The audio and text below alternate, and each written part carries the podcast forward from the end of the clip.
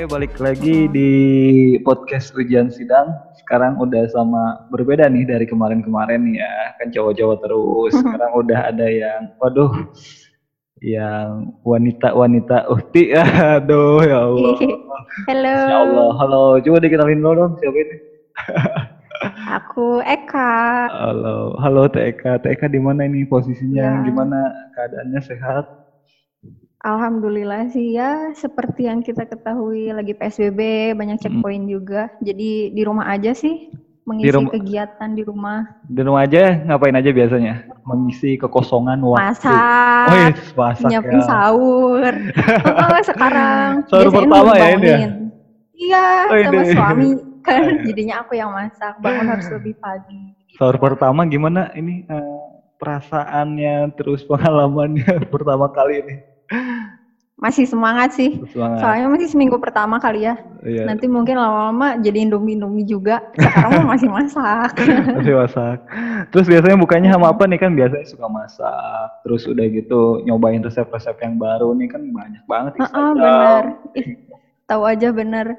Nyari-nyari resep yang gampang, yang simple, yang bisa dipraktekin. Oh. Biasa sih paling tajil, ada kolak, terus Hmm. es buah sih seringnya. Kan biasanya kalau nasi, lauk-lauk. lauk ya kan biasanya kalau misalnya nggak covid ini kan kita nyari takjil keluar. Tapi masih sempet Mm-mm. nyari takjil juga atau buat aja?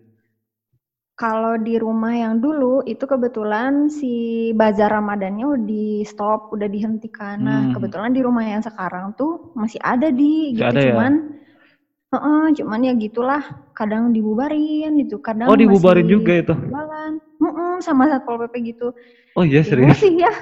Heeh, Kasihan Jadi kemarin tuh sempet dua atau tiga kali lah gitu ke sana nyobain jajan apa gitu sedikit-sedikit Hmm. sambil ngeliat gitu rame banget sih emang waktu hari pertama puasa tuh Mhm, iya, iya. sempet parno juga gitu serem banyak orangnya tuh pada nggak pakai masker gitu Ih, iya, kayaknya gara-gara nggak safety gitu Iya, jadinya iya, usir-usirin gitu Mhm, mhm.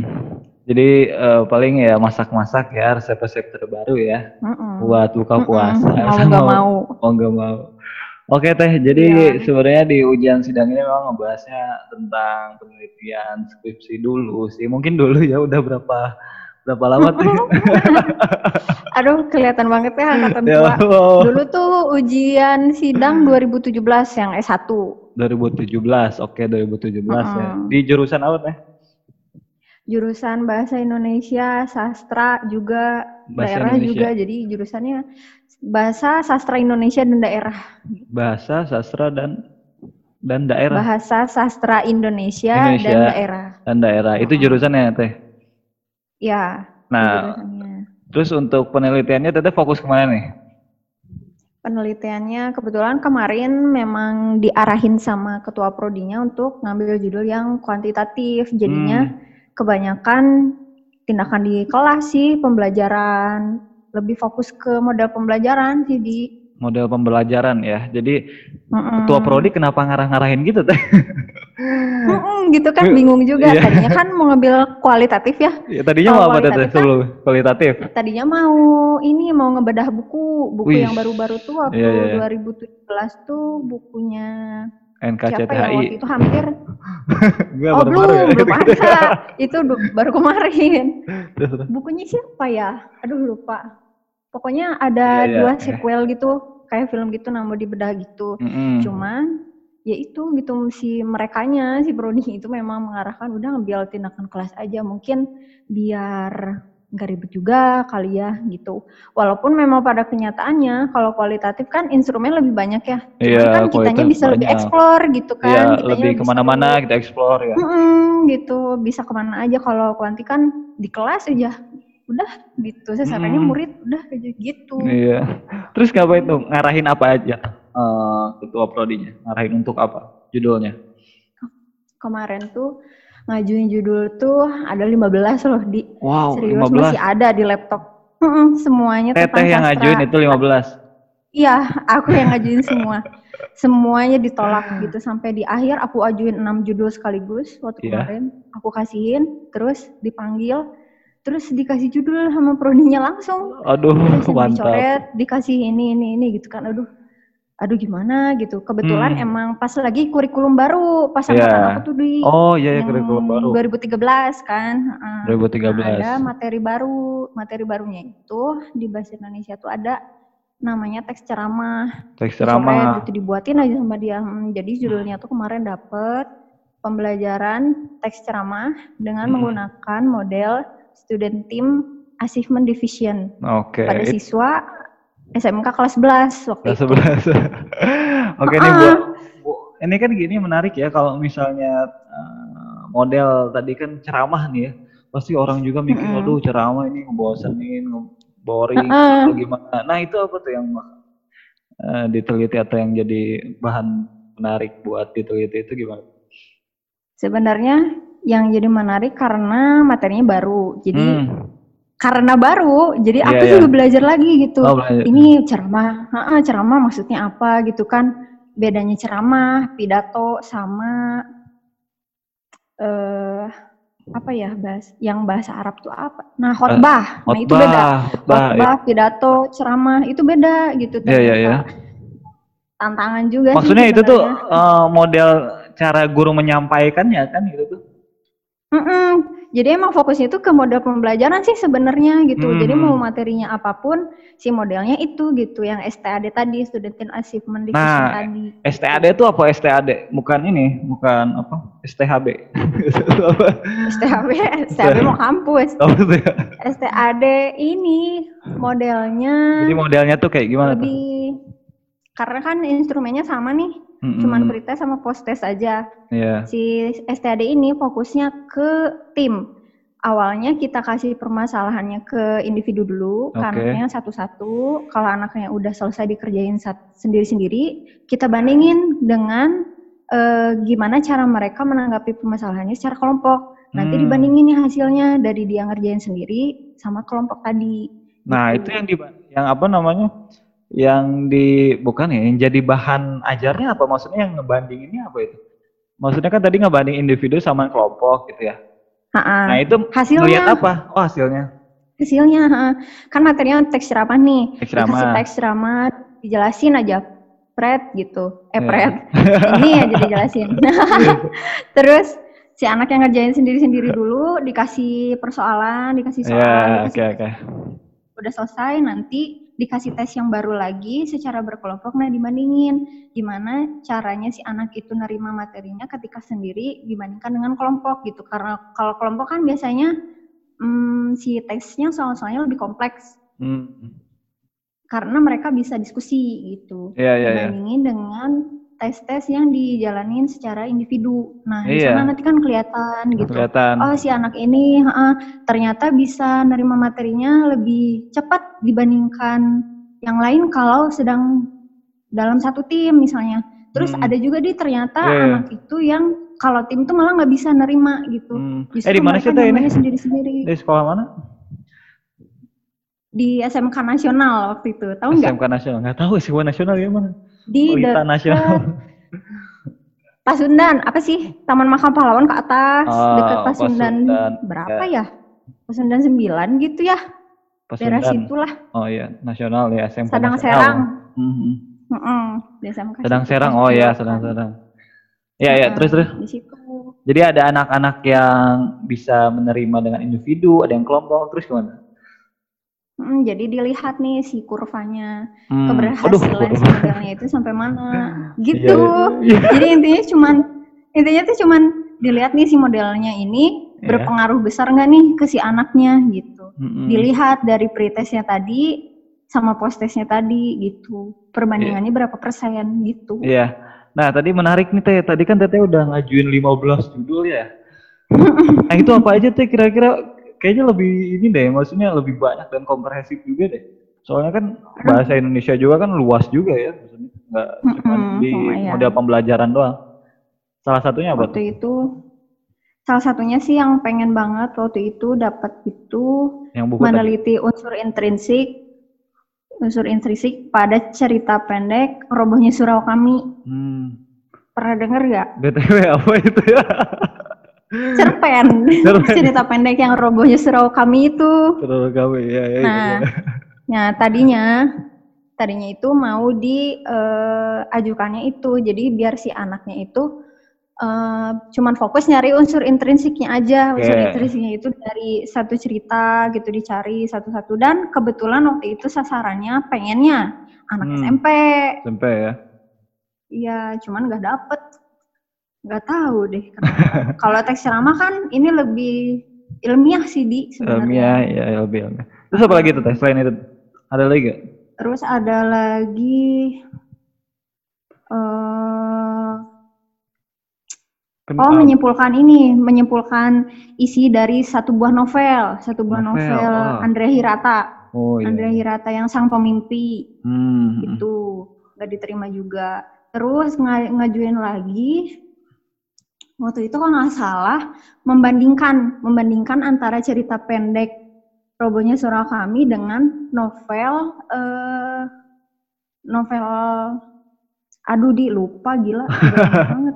Udah lama ya kayak Ya, gitu.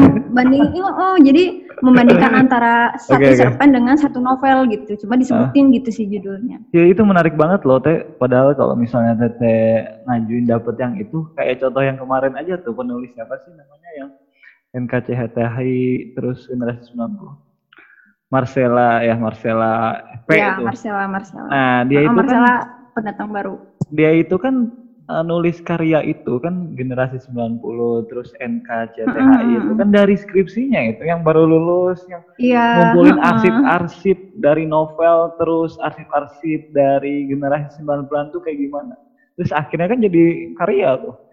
Iya, Nah, jadi itu satu menarik juga tuh buku. kalau misalnya novel Tete yang bakal dari teliti ya. Terus apalagi tadi tuh yang cer- cerpen-cerpen. cerita Wah, pendek. Oh, sayang banget itu kayaknya. Dongeng juga ada dongeng waktu itu. Mm, terus kan eh, akhirnya ujung-ujungnya ke model pembelajaran juga ya itu ya. Iya, heeh. Nah, terus itu yang menjadi kendala apa tuh kira-kira kan anak murid-muridnya kan ah gimana ya di SMP ya, eh, SMA gitu ya. Nah, apa SMK kira-kira? waktu itu. SMK gimana tuh? Eh, yang jadi kesulitan Mereka-. Yang jadi kesulitan tuh mereka karena mereka menganggap kalau ceramah tuh isinya tentang keagamaan gitu di Iya. gitu. Jadi kita harus nerangin lagi nih karena kalau ceramah itu bukan itu gitu. Hmm. Ceramah pidato dengan khotbah itu tiga hal yang berbeda gitu. Nah, tuh, Kalau Teh? khotbah kan gak kalau khotbah kan udah jelas dia itu tentang keagamaan. Biasanya Hmm. itu di setelah sholat eh sebelum sholat Jumat ya? Sudah eh, Sebelum sebelum sebelum Oh, sesudah. sebelum. Nah, sebelum sholat Jumat. Terus Sampai lupa gue. ada yang sebelum Nah kan, terus ada yang sebelum atau sesudah akad nikah. Nah itu namanya Iya. kan khotbah. Oke. Kan pasti jelas tentang keagamaan, ilmu ilmu tentang keagamaan yang disampaikan. Ya. Kalau pidato itu biasanya secara resmi dari Oke. satu orang ke orang banyak, ada Iya. audiensnya. Nah itu biasanya pidato itu isinya tentang sambutan-sambutan, Hmm. ucapan-ucapan gitu. Kalau ceramah Nah. itu mencakup semuanya, Hmm. pidato, seorang guru yang mengajar di depan kelas, bahkan khotbah itu termasuk ke dalam ceramah semua Hmm. gitu. Jadi ceramah oke. itu berbicara di depan audiens banyak, menerangkan tentang suatu hal. Nah itu namanya ceramah. Nah, apa bedanya sama ngedongeng teh? Sama ngedongeng guru-guru kan suka ngedongeng. itu sama kayak ceramah maksudnya. dongeng. Kalau ngedongeng mah cerita kali ya. Ngedongeng. Biar murid-muridnya repeh gitu. Iya. Denger gitu.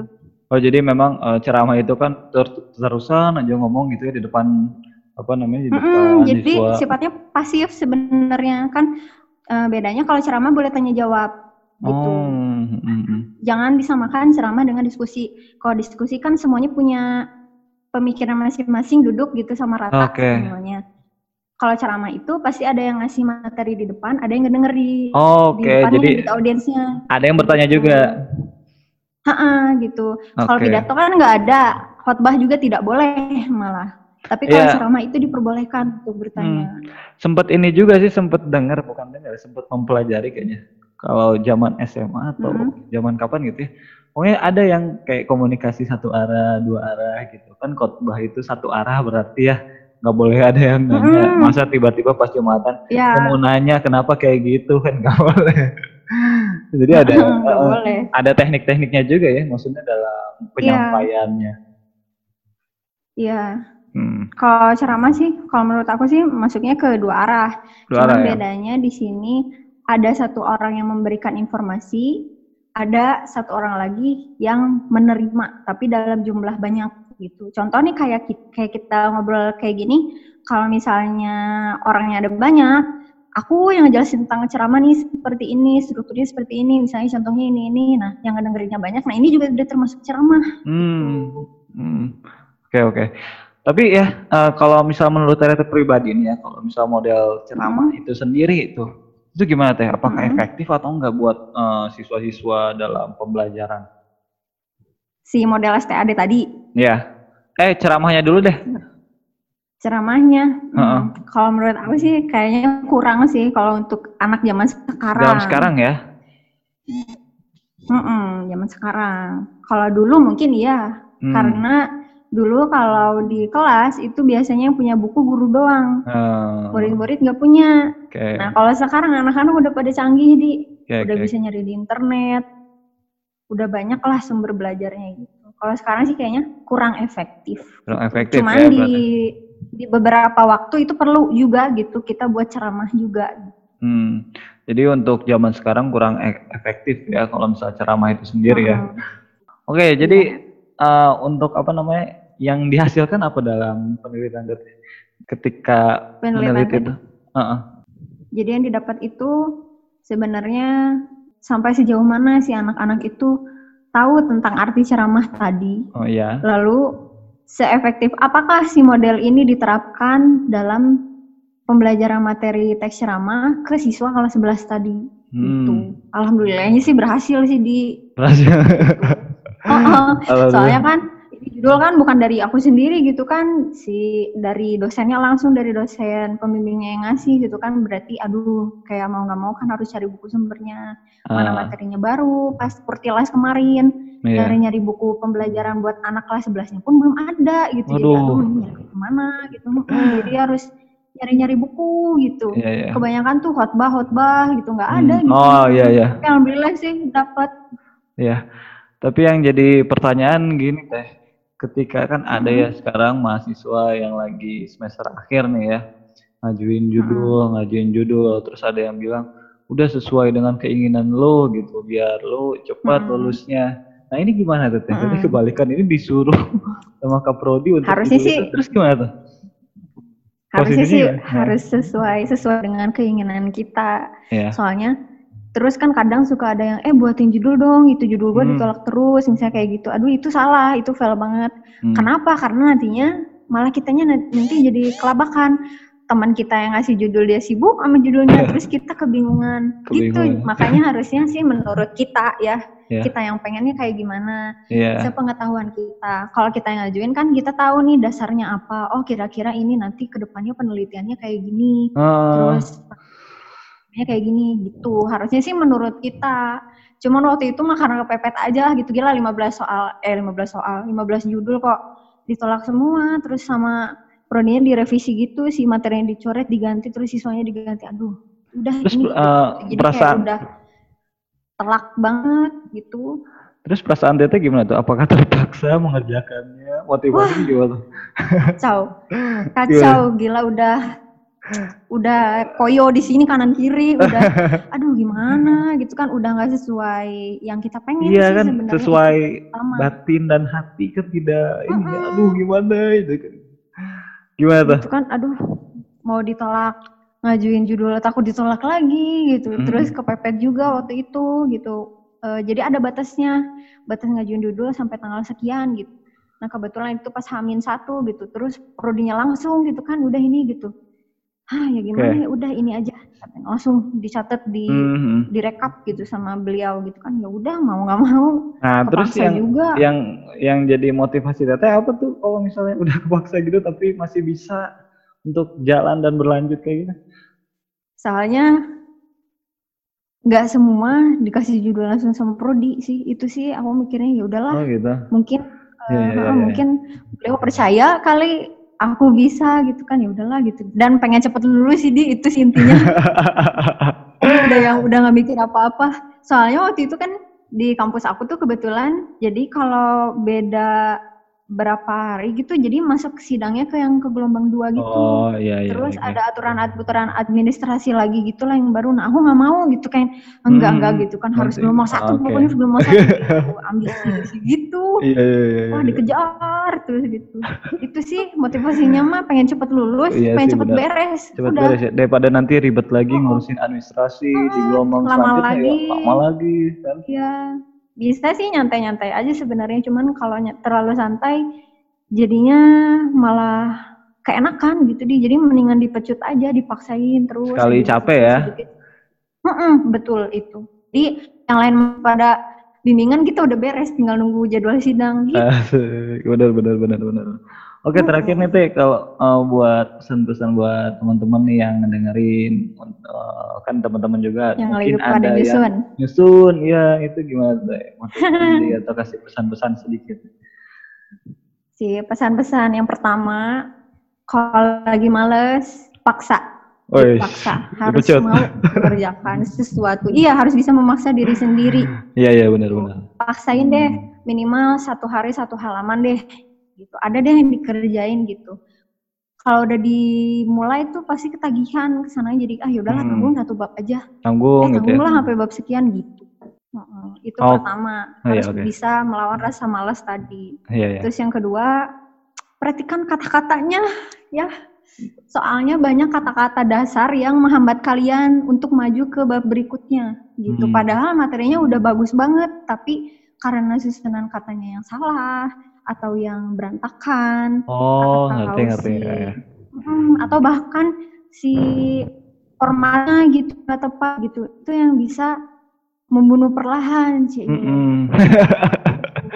Jadi kadang- hal kecil kan kadang gitu. gini ya, kadang ada beberapa dosen juga gitu kan ya. Ini kontennya sebenarnya udah bagus, cuman gara-gara Hmm. si konteksnya, tipenya itu, jadi Hmm. dipersulitnya gitu. Heeh, nah typo tuh Iya. Jadi kayak ah ini mah Hati-hati. ada kesalahan dikit nih kan cari masalah mah gampang ya kalau deskripsi kan misalnya tipe dikit Mm-mm. atau apa. Padahal si kontennya udah bagus. Ah udahlah ini balikin lagi kan gitu. Jadi Nah mending- justru justru yang dengan kita nyari kata-kata yang salah tadi itu kan yang bikin males kan di Iya tuh. Jadi memang Hmm. detail sekalian, terus dipecut sekalian, dipaksain sekalian ya. Iya. Jadi nanti ke depannya itu bisa lancar. Oke, ada lagi tuh? teliti apalagi ya sama berdoa sih banyak berdoa, benar. banyak berdoa dan ada lagi nih eh jangan mengandalkan eh, enaknya kalimat itu kedengarannya kayak gimana Maksudnya gimana tuh? kita kita fokusnya ke materinya aja nih materinya Oh. yang mau kita bahas tuh apa Oh iya iya iya. iya. si isinya apa karena kan banyak nih kata-kata yang kayak di depan kalimat tuh ada kata dengan Hmm, hmm, yang nah itu tuh salah sebenarnya Oh, nah iya, itu yang iya. ngehambat juga sih balik lagi sih ke yang poin tadi yang kedua gitu lebih hati-hati menyusun kata jangan dibiasain pakai kata-kata yang disingkat-singkat gitu Iya iya. Oke. dan sih Oke, terima Gitu kasih. aja. Iya, terima kasih Tete. Ya Allah udah oke Gak terasa ini ternyata sudah hampir 20 menit ke 30 menit ini. iya ya iya gak Kerasa kerasa, ya. Oke, terima kasih banyak ya udah ngeluangin waktunya nih di sela-sela kesibukan oke. Ramadan. mantap Hmm, maaf ya kalau misalnya ganggu waktunya atau lagi Enggak lah. berdua. santai aja di Iya, iya, oke. Makasih Santai banyak aja. ya. Sekali lagi makasih ya sering-sering aja ya buat- Sering-sering apa? sering-sering jadiin talent Oh iya.